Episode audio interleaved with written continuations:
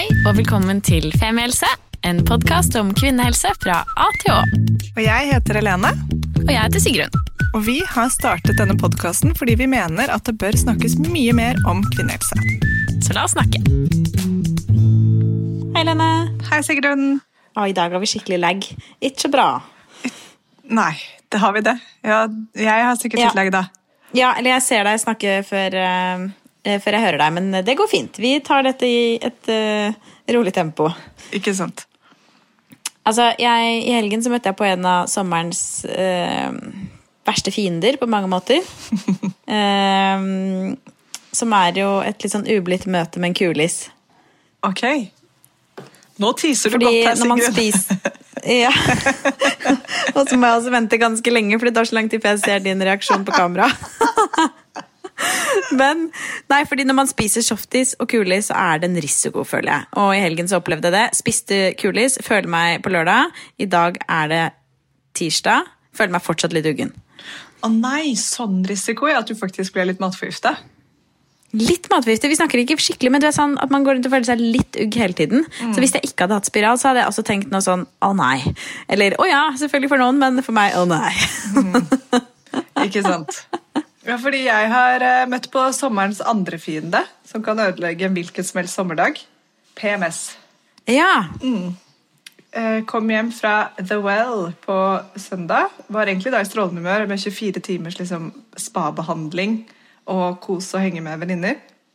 Bare ligget ved bassenget der og drukket rosévin og latt som jeg lukket øynene og latet som jeg var i Frankrike. Veldig deilig. Eh, Men så kom jeg hjem, og så ble jeg helt på gråten. Og så jævlig irritert. Og så sjekket jeg de to appene jeg bruker, og så så jeg sånn Å ja. Ok. Men jeg elsker jo når jeg kan sjekke og forstå at det er derfor. Men jeg blir jo fortsatt overbevist om at alle tanker jeg har, er ekte. At nå er det bare å pakke bagen og flytte eh, til utlandet. Som jo er alltid min go to-tanke dagene før menstruasjon.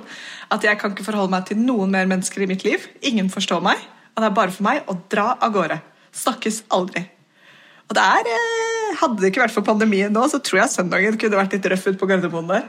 Men nå for alle de som lurer på hvordan det faktisk ser ut inni hodet til Helene når hun har PMS, så er det egentlig bare å eh, slå opp i Femihelseboka på kapittelet om PMS og lese den lille historien som står først der. Altså, men det er faktisk helt sånn, fordi På mandag så hadde jeg det like ille, og da tok jeg meg en joggetur. Og folk var sånn, eh, og så delte jeg det på Femi på storyen der, og så var folk sånn 'Å, du er så flink som løper.' Jeg bare krøller meg sammen. Jeg bare, Nei, jeg er ikke flink, fordi jeg har en så sterk indre uro at det å ligge på sofaen er fysisk umulig. Jeg føler meg helt sånn derre eh, hamster i bur. Eh, Eller hamster liker kanskje å være i bur, men som en, en katt i bur. Eh, og vil bare ut. Så det, det er liksom ikke sånn der jeg er flink, det er bare sånn jeg har ikke noe alternativ. Jeg må ut og løpe av meg den angsten eller den uroen. da. Men da kom jeg ned til Sørenga, og så var det sånn, det blåste og det regnet, og det var så sinnssykt bølger. Og så, sånn følte jeg meg. Innvendig. Sånn som havet var da, og sånn været var da. Sånn følte jeg meg innvendig. Men etter en eh, løpetur så er det bedre. Men Helene, kanskje da en videreføring av Femihelse burde være en slags form for jakten på nyresteinen eh, kvinnehelse-edition? Ja. Faktisk. Hvor gøy hadde ikke det vært? Hvor man liksom begynte i hodet og på PMS-en og liksom hormonens svingninger. Reiste ned i puppen og så det liksom Her blir det produsert melk. Eh, videre ned, og der er det en eh, betent livmor. Altså, her er det et stort potensial. Det er veldig mye som skjer i denne kroppen her. Ja, ja. Er dette én kropp, eller er det forskjellige? Nei, det, er, det kan vi diskutere når vi skal lage sånn. Ja, greit. Nei, jeg er med. Jeg er med. Nei, Så nå sitter jeg her og venter på å blø, da. Det er eh, Min favorittaktivitet er å vente på mensen. Den frigjørende Og gå i hvitt. Ja. Jeg håper du går i hvitt da. ja, ja. Her skal det feires når det kommer. Nei, Jeg kan ikke gå i hvitt, fordi ingen av buksene mine som er hvite, passer dagene før menstruasjon. Jeg får ikke igjen glidelåsen engang. Nei, ikke sant. Da blir det yogapants, da. Ja. Det blir det, men uh, ja. jeg kjenner at jeg er litt PMS-ete fortsatt. Jeg eh, blir irritert av å tenke på at jeg har PMS. Jeg føler meg som at jeg, jeg har ikke PMS, jeg er PMS. Men eh, vi satser på at det ikke skal være PMS hele denne episoden. Hadde det bare vært oss to, så hadde det vært greit. Men i dag har vi også med oss en gjest. heldigvis. Eh, Silje Urke Antonsen er på besøk her i Femihelse. Velkommen til deg, Silje. Hei, takk skal du ikke ha. Så hyggelig at du ville være med i podkasten vår. Det er søren så hyggelig at dere vil ha meg. kan ikke du begynne med å introdusere deg selv, Silje? Hvem er du? Hvem er? Ja, stort spørsmål. Eh, kort oppsummert, jente 31 fra Ulsteinvik, hvis det er ASL. ja, det er ASL.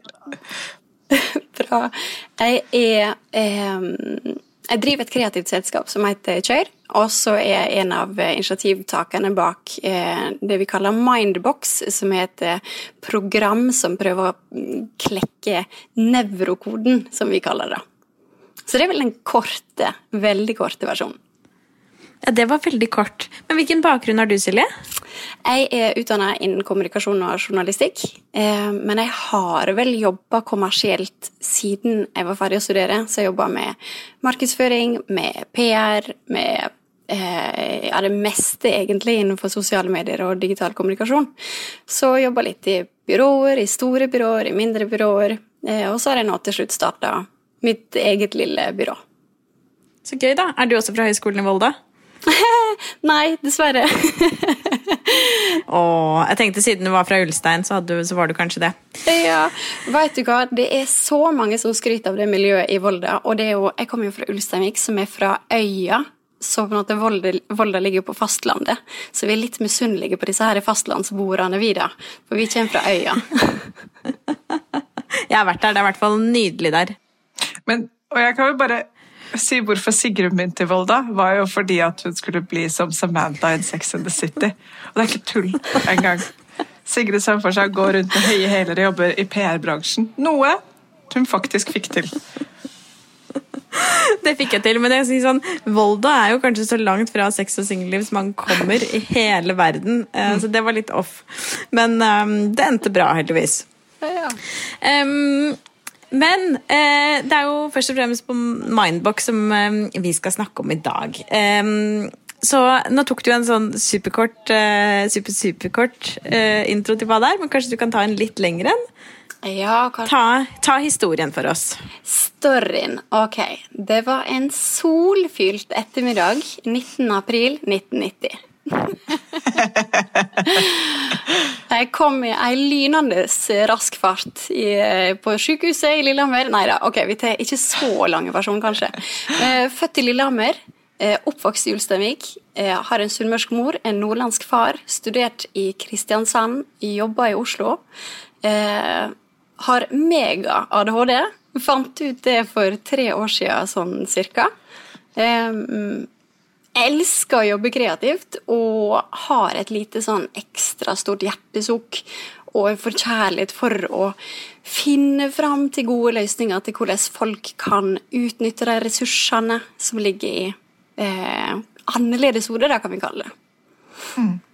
Og det var der Mindbox kom til. Er det du som har startet det, eller var det, var det allerede i gang da du kom inn på der? Mm. Vi starta Mindbox for ca. et år siden. Um, og det var et resultat av at jeg lette febrilsk etter aktører i Norge som drev med hva jeg skal si, litt mer styrkende formidling av informasjon, ny forskning og kunnskap rundt ulike nevropsykiatriske diagnoser, som f.eks. ADHD, autisme, bipolar lidelse osv. For eh, når jeg sjøl fikk diagnose for sånn tre år siden, så herlighet hvor mye tid jeg brukte på å søke på Google og finne informasjon. Og disse her algoritmene på Google de jobber jo ikke akkurat for personer som er i sårbar situasjon og trenger å finne løsninger. Det er masse konfliktbaserte greier. Så i dette søket mitt så fant jeg frem til ulike folk eh, som hadde starta på noen forskningsprosjekt eh, for å rett og slett finne ut eh, Og jobbe med å kartlegge og finne ut hva slags styrke som ligger i disse personene med de ulike diagnosene. Fordi all forskning og nesten all informasjon som ligger der ute nå, fokuserer på problem, på funksjonsnedsettelsen og utfordringene som ligger rundt diagnosene, og utrolig lite løsningsorientert. Så når jeg kom i kontakt med han Antoni Pisani, da, som drev et av disse prosjektene, her, Eh, vi hadde ett møte, eh, og så fant vi ut at eh, ok, holy fuck, her må vi gjøre noe. så um, Og vi har vel jobba i ett sett med det i et år. Og da har vi jobba digitalt, så jeg har ennå ikke møtt Antoni eh, face to face. som er litt morsomt. Um, ja, så det er um, Mindbox har blitt et eh, lite sånn hjertebarn for oss, fordi at vi føler at det er Man trenger en eller annen aktør der ute som tar et litt sånn styrkende og løsningsorientert perspektiv da, på diagnosene. Så formålet er å løfte fram eh, forskning, eller støtteforskning, eller hva er form... Altså Ja, fordi den aller meste forskninga som ligger tilgjengelig eh, rundt på de ulike nevrobiologiske diagnosene, eh, det er jo problemfokusert, og så fokuserer det masse på svakhetene og hvilke funksjonsnedsettelser det fører med seg. Og som er viktig for oss å forstå hvordan, eller hva som gjør de annerledes hodene forskjell fra vanlige folk. da. Men det er jo litt vanskelig å gjøre noe positivt ut av det og vite hvordan en faktisk Ok, men hvis de er dårlige på dette, hva er de gode på, da? Hva er det med disse her evnene som gjør at det, er ekstremt mange av de som står utenfor arbeidslivet. Det er så mange av de som tilhører gruppa for unge uføre, langtidssykemeldte. Og når man ser på liksom hvordan arbeidslivet i dag fungerer, det setter krav til administrasjon, og det å på en måte følge opp og mye på en måte sånn åtte til fire, og en del strukturelle evner som kanskje ikke denne målgruppa her er så gode på. Så um, Og det finnes jo masse ressurser i disse her, men vi har lyst til å bare finne ut hvordan, hva slags styrke er det, og hva kan vi gjøre for å forvalte mer av dette potensialet, da. Har dere kommet fram til noe nå? Vi er nå i testen av et eh, pilot eh, som skal bli, eh, lanseres til høsten. Eh, og det vi Hva jeg skal si da, De premature tankene nå da, som går litt på de funnene vi ser, det går på mye av det problemet av at hvis vi ser på grunnen til at Eller på de, på de personene som står utenfor arbeidslivet, de har enten problemer med å komme seg inn i arbeidslivet etter skole og få seg jobb, eller det er folk som har vært i arbeidslivet lenge, eh, men som har falt ut av arbeidslivet. Eller folk som rett og slett bare de har ikke kommet seg gjennom skolen engang. Hva er grunnen til det? Og når vi nå begynner å få større forståelse for det, så prøver vi å se ok, hva kan vi gjøre for å gjøre det lettere for de, og liksom for at næringslivet skal ta ut potensialet hos de.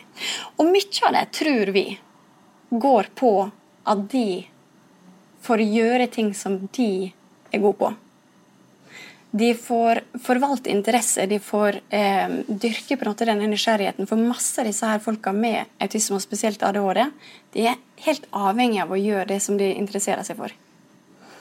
Så kanskje man ikke skal presse disse folka inn i etablert arbeidsliv. Kanskje man ikke skal presse dem inn i noen roller og arbeidsoppgaver som de ikke passer til eller pushe det inn i utdanningsløp fordi at næringslivet har behov for den type kompetanse, men de klarer ikke å gjennomføre.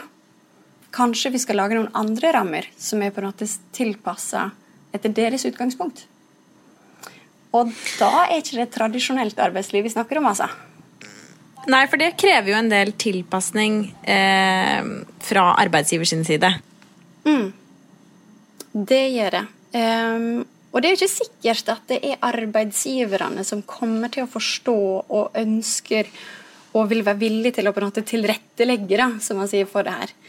Um, og jeg tror det er også mye grunn til at man ser det mange gründere og entreprenører uh, som har ulike typer diagnoser. Masse folk med autisme og bipolar og eh, ADHD som gjør sin egen greie. Um, og det er jo helt rå på det, men bare for å være en vanlig ansatt, så tror jeg mange av de hadde gjort det ganske dårlig. Jeg tenker litt at eh, Nå har jo vi jobbet litt sånn i samme bransje, Silje, som Sigrun og jeg også jobbet i byråverden og den biten der. Og det er jo en sånn ganske privilegert bransje på at noen av rollene man hvert kan ha der, så kan man på en måte eh, jobbe med de styrkene man har. sant? Det fins jo noen som er eh, i de byråene jeg har jobbet med, som bare sitter og graver seg ned i tall og analyser, men som ikke greier å levere en eneste reiseregning.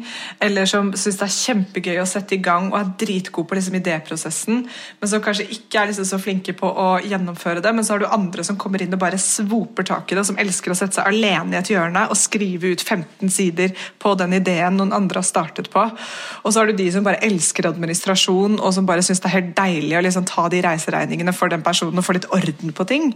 Så det er jo sånn det, det, jeg føler meg nesten uh, ja, altså jeg, jeg kan, for, ja, Bransjen jeg kommer fra, så, så, ser det ut som at det er i hvert fall ganske mye tilrettelegging for det, men det er jo bare en brøkdel. Veldig mange andre steder så er det jo virkelig ikke sånn det er i det hele tatt. At hvis du ikke greier hele liksom, allrounderen, så kan du ikke være der. Og det er så synd, fordi det der med å finne Jeg kjenner meg jo på en måte igjen i det der at hvis man hele tiden skal bruke tid på jobben på å gjøre det man ikke liker, så blir det veldig tungt å gå på jobb. Og hvis du da i tillegg har en, en, eh, en eh, mer, liksom, et, et, sinn som trenger enda mer å finne passion for å kunne fokusere, så mm. kan jeg tenke på at det kan bli veldig liksom, frustrerende og, og, vanskelig å liksom, stå i. da.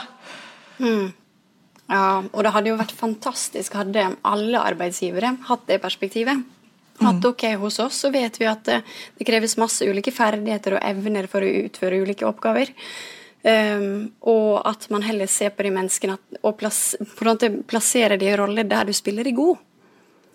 Uh, og det er jo et kjempefint perspektiv å ha fremfor å tenke at du må gjøre tilpasninger uh, for å tilpasse en rolle til en person som Fordi at personen er en rolle som fremhever svakhetene sine.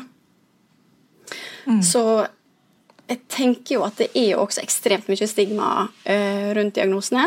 Eh, og folk med diagnoser, jeg tror ikke det er noe av det første man skriver i en CV eller søknad og er liksom stolt av. Um, fordi det er hos veldig mange arbeidsgivere knytta assosiasjoner til kostnader, at det tar mye tid, det tar mye penger, det krever masse. Mens i, uh, man ser jo at store selskaper i USA og Asia og India det har jo begynt å um, rekruttere direkte folk med ADHD og autisme. Fordi de vet Klarer vi å rekruttere noen med disse diagnosene som har en interesse for det vi gjør, så har vi gjort et kupp. Det er de beste ansatte du kan få, fordi de sliter ikke med fokusproblemer eller har problemer med å holde oppmerksomheten. De med ADHD de sliter med å slutte. De klarer ikke å gjøre noe annet enn akkurat dette. Og det, jeg håper at den på en måte kunnskapen og den holdninga også smitter over til, eh, til, oss også etter hvert, og det tror jeg. Men hvordan skal Mindbox bidra til at um, dette møtet med arbeidslivet blir bedre enn mange kanskje opplever at det er i dag? Eller arbeidsliv og utdanning og, og det hele, egentlig? Mm. Um, jeg skulle ønske at jeg kunne fortelle um, det akkurat nå, sånn konkret hva vi skal gjøre. Men jeg tror at Mindbox eh, kommer til Målet er jo å få flere eh, Altså å dra ut potensialet de folkene, folka her til innovasjon. Eh, og få ut potensialet i næringslivet. Og få folk tilbake i jobb, sånn at de har en tilhørighet, et sted å gå, et sted å på en måte å bruke seg sjøl. Så eh, kanskje ikke denne Jeg tror ikke vi skal liksom pushe folk tilbake til arbeidslivet og være en bro for, liksom, for etablert næringsliv. Jeg tror vi kommer til å være en utfordrer for å skape nye måter å jobbe på. Eh, mer knytta til frilansøkonomien, creators economy, hvor eh, mennesker, du kjøper tjenester av mennesker du stoler på fordi at de kan sin greie. Så det å bygge business rundt de sjøl, og det de digger, det er veldig interessant. Superspennende. Og jeg tenker jo, altså Det er jo interessant, fordi du sa jo at du selv fikk diagnosen for tre år siden. Og det var jo, Vi har laget en annen episode om, eh, om kvinner og ADHD, og ja, egentlig ADHD generelt sett. Og det er jo eh, sjukt irriterende at det tar så lang tid å få en sånn diagnose. Eh, I hvert fall så eh, Sist gang vi lagde episode, så opplevde jeg som at det også gjorde på en måte det stigmaet vanskeligere. eller det, det, der å forstå seg selv og det å liksom skjønne at Eh, ja, ja, ok, men dette superfokuset jeg har, det er dritbra. Det er jo en superpower, liksom. Og så de andre tingene, det må jeg finne ut av. ikke sant, Må ha orden i kalenderen og alt det der. Men Men ja, jeg vet ikke, Det er kanskje ikke Mindbox sin oppgave i det hele tatt, det, eller det er det ikke, å liksom gå inn på det der med diagnostisering. Men jeg tenker jo at når man har et prosjekt som Mindbox og løfter opp alt det som er bra, så uh, er det jo et håp uh, at det kan også bringe fram at folk som begynner å kjenne seg igjen, da, uh, og kanskje tenker at vent litt, da, det her er jo meg. Men fordi det jeg vil bare gjette at det der å identifisere seg bare med hva skal jeg si, de eh, liksom kjipe i hermetegn, eh, symptomene eller eh, sidene av en eh, sykdom eller tilstand eller eh, diagnose, er vanskeligere enn kanskje sånn Vent litt, da, jeg har også ADHD, for jeg har også superfokus og er dritrask og kan jobbe evig. og ja. Mm. Så, sånn sett så håper jeg at jeg kanskje kan være med på å bidra den andre veien også. Mm. Å ja, fy søren. Nå skal vi forhåpentligvis ikke gå inn på, på behandlinger. Altså Mindbox skal ikke eh, være en terapi eller behandlingsform. Eh, så det er mer på en måte kanskje de som på et tidspunkt har trengt behandling eller er ferdig eller på vei tilbake. Så dette med styrkene da, og løsningsorientert. Men jeg tror jo at den løsninga vi lager, kan absolutt passe for flere. For hvis den er spesialtilpassa de som på en måte har en nisjeinteresse eller, eller, vil noe annet, og som kanskje ikke nødvendigvis klarer, orker eller vil gå den tradisjonelle veien gjennom arbeidslivet og gå i en etablert rolle i en etablert bedrift, så er ikke det nødvendigvis betinga for personer med, med uh, ulike uh, diagnoser. Um, så um, men spesielt egna for, vil jeg si. Mm. Mm. Ja, definitivt. Uh, ja, nei, Dette er superinteressant. Og, og, hvis man på en måte sveiper inn på det bipolare eksempel, også, det der å være, Hvordan kan arbeidsgiver også tilpasse seg det at du kan være ekstremt på, ekstremt effektiv og virkelig fokusert i noen uker eller dager eller måneder, alt ettersom hva slags sykkel du har. Men så være nede en stund, da. ikke sant? Og, og, og hvordan tilpasse den um, det som kanskje fra arbeidsgivers side kan oppleves som en uforutsigbarhet. Da. Det er jo, for det er jo liksom forskjell på dette her også. Det, arbeidslivet generelt sett er jo ikke så veldig godt tilpasset mennesker. Altså sånn, det er jo et problem at det arbeidslivet vi har, er jo, trekker oss jo mer ned ofte enn det bygger oss opp. Da. Um, ja. Nei, Jeg hadde ikke så mye mer å si om det. Jeg bare syns det er sånn hjertesukk, liksom. ja, men jeg kjenner det i magen også når du snakker, og jeg, det er jo Åh, Det henger jo sammen, det her, om man snakker om folk med ADHD eller bipolar, eller om man bare har det litt vanskelig iblant, for at livet skjer, liksom. Mm. Eh, og jeg, jeg, jeg syns det handler om mye av det samme, på en måte å akseptere at når man jobber et sted, så det er ikke bare sånn at man kan skru av liksom alle følelser og hvordan man funker åtte til fire, og så på en måte lever man livet og alt utenom, da. Så det er jo noe med det å forstå helheten av mennesket, og hva mer du bringer inn enn bare ferdigheter og egenskaper som skaper vekst og er effektivt, liksom. Mm.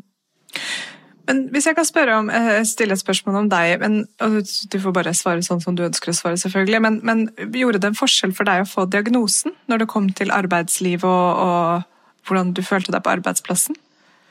Mm. Å, guri malla. Jeg gikk så mange runder med meg sjøl før jeg valgte å faktisk ta den utredninga. Eh, og jeg syns det var kjempevanskelig. Eh, og jeg tror en grunn til at jeg syntes det var så vanskelig, var fordi at jeg var, jeg var livredd for at det ikke skulle være noe. Og det var tilknytta en periode hvor jeg var eh, det sto vel på papiret at det var utmattelse. Jeg var godt brent i kantene. Og jeg hadde vel mm, allerede i ti år liksom tatt opp, eller legen hadde tatt opp med jevne mellomrom dette med ADHD. Jeg hadde skåra toppscore på alle på testene som var klar til utredning, men jeg hadde aldri tatt den utredninga. Så på det tidspunktet for tre-fire år siden, når jeg da eh, gikk på en ordentlig smell, da, så tok den utredninga en, en, en, litt sånn ny vending, og jeg ble anbefalt å på en måte gå videre med det. Og jeg var så redd for at det ikke skulle være ADHD. Jeg var så redd for at det ikke skulle være noe gærent med meg i det hele tatt, så jeg kvia meg litt for det, da. Og kanskje mye på grunn av at det jeg hadde lest om, at jeg Det var mye jeg kjente meg igjen i, men det var ikke alt jeg på en måte hadde lyst til å identifisere meg med. Mm. Og så følte jeg også at det var mye med diagnoser som fortalte meg at jeg var sjuk. og at jeg var, hvilken funksjonsnedsettelse jeg hadde. Og mens jeg var i utredning, så fikk jeg tilsendt de her Nav-manualene, som var veldig retta mot arbeidsgiver, som skulle fortelle dem hvor mye de skulle tilrettelegge for meg, eh, og hvilken egentlig ekstra kostnad jeg følte at jeg var, da. Så jeg var livredd for å være liksom til bry, for jeg følte ikke meg sjuk. Og det syns jeg var veldig mm, rart, da rart å forholde meg til. Men så var jeg jo i utredning i ja, herlighet, hvor lenge det var, da? Tre måneder eller noe sånt. Eh, og så prøvde, de å finne ut av om denne perioden handla om, om at jeg hadde en dårlig periode i livet som gjorde at du får større symptomer på ulike ting. Eh, og så var jo det også det å begynne å forstå, eller jeg begynte å forstå at det jeg hadde lest om ADHD tidligere, ikke nødvendigvis trengte å være på en måte en fasit for meg. For mye av den informasjonen der, det var jo og er jo basert på forskning på gutter og ADHD. Mm. Og det viser seg jo da at gutter sine symptomer på ADHD ofte er mye mer eh, hyperaktive. Eh, og mye mer på en måte synlige symptom. Eh, som har påvirka eh, diagnosekriteriene for hva som skal til for at du skal få diagnosen. Og det er interessant når man ser at å jøss, det er jo sjukt mange gutter som har diagnosen ADHD, og veldig få jenter. Er det det at det bare finnes sjukt få jenter med ADHD, eller ser det litt annerledes ut av oss jenter?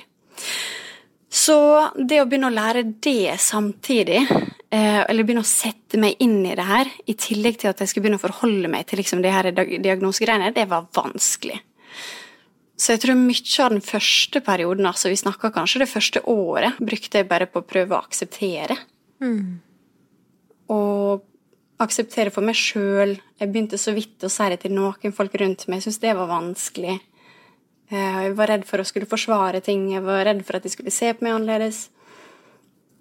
Og så tror jeg bare at når man Eller etter hvert som jeg har lært mer, så blir jeg mer frustrert eh, over så lite vi kan om det her.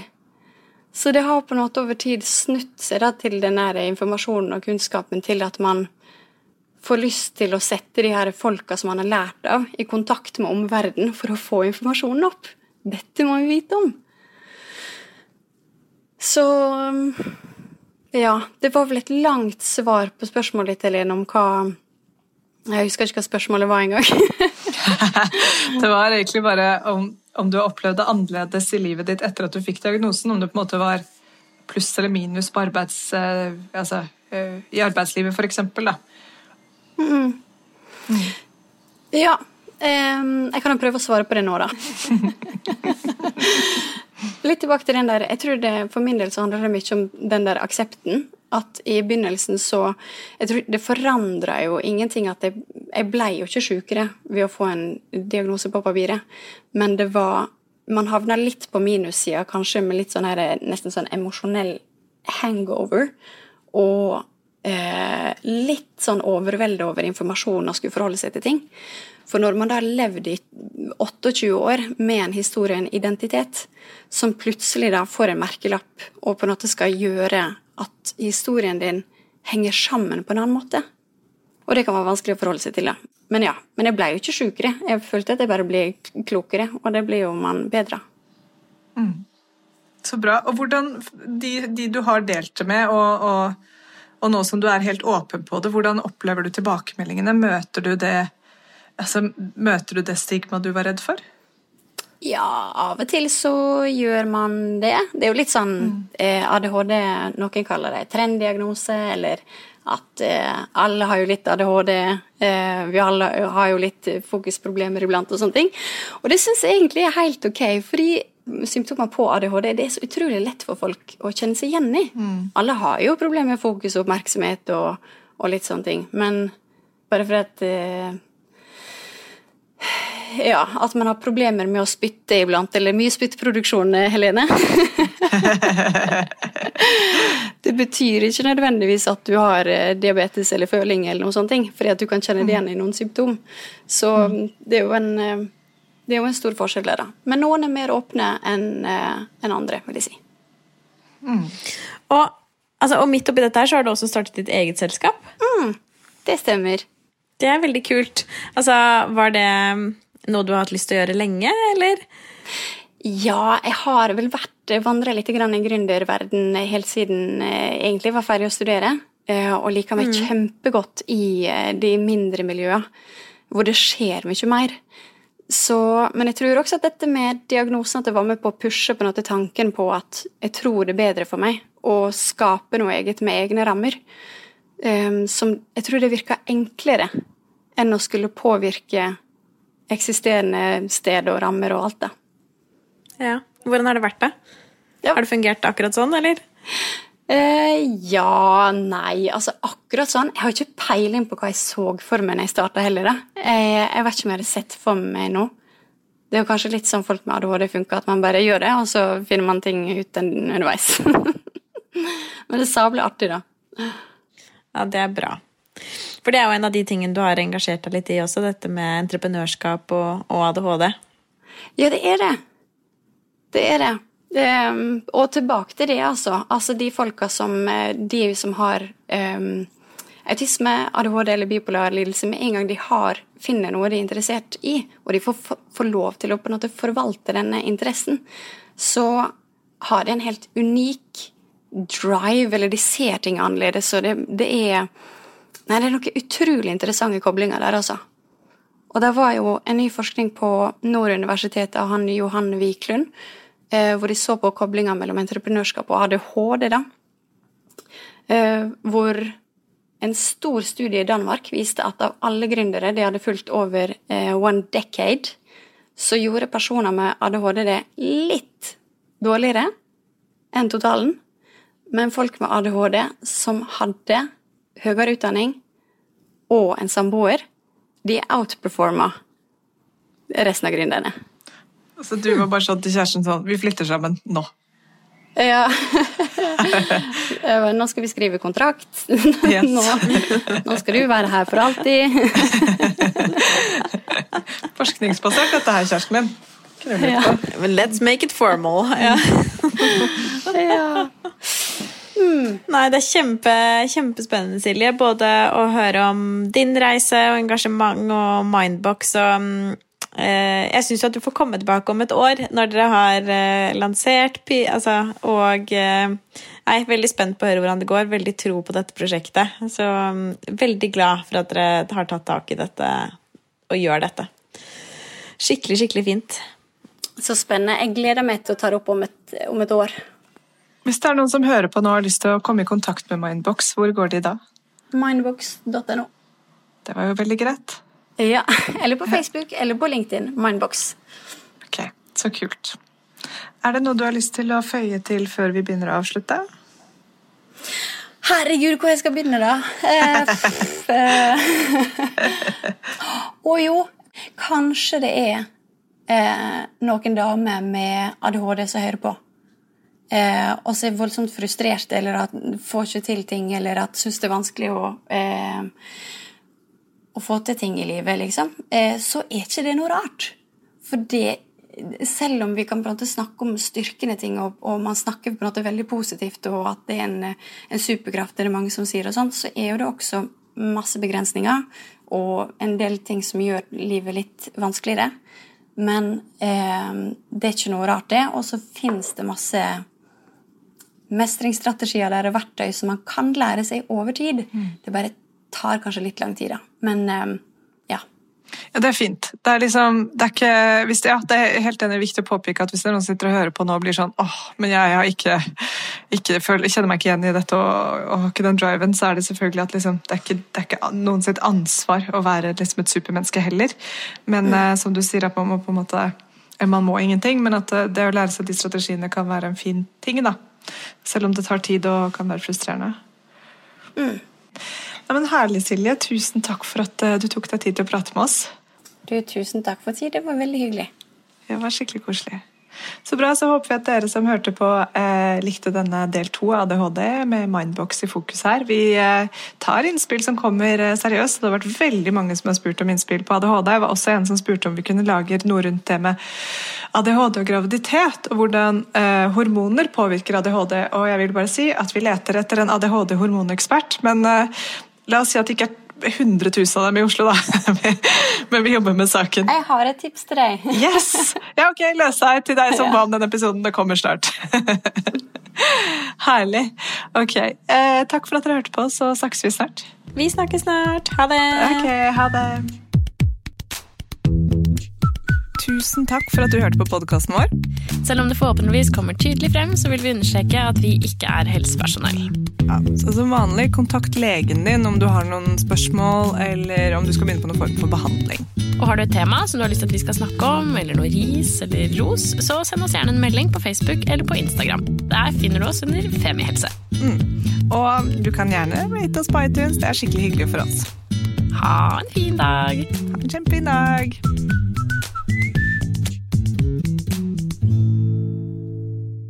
Velkommen til Kjemperådet! Yes. Denne gangen har vi fått inn et kjempedilemma fra en familie. Okay. Jeg leser Hei, vi er litt uenige i familien her. Mm. Hvis du skulle vært et dyr, ville du hatt gjeller eller vinger? Oi, den er tricky. Ja, Hva ville dere hatt, da? Altså, jeg vet ikke, men Med familierabatt får de ubegrenset data fra Telenor fra 399 kroner. Da kan de jo scrolle seg til svaret, rett og slett. Ja, ok, Men for min del Ja. gjeller. Nei, nei, Gjelder. nei, vinger. Nei, nei, Ja, okay, ja, Kjempebra. Men eh, se nye mobilabonnement på telenor.no, da.